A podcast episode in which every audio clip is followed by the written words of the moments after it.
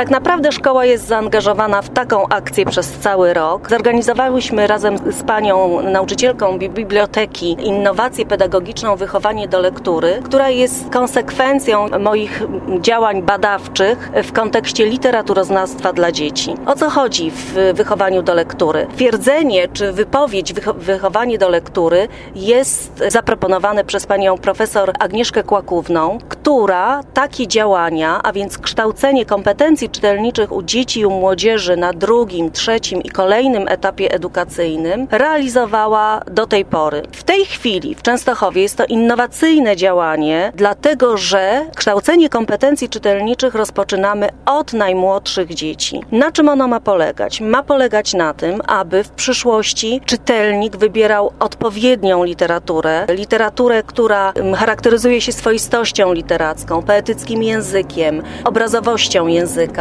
w taki sposób, aby kształtować i pobudzać dziecko do rozumienia świata, do refleksyjnego spojrzenia na świat i refleksyjnego spojrzenia na siebie, bo przecież literatura jest narzędziem w odczytywaniu tego świata. Tam są w, w dobrej literaturze mamy wspaniałe przykłady, które pobudzają dzieci do refleksyjnego spojrzenia na to, co się wokół nich dzieje.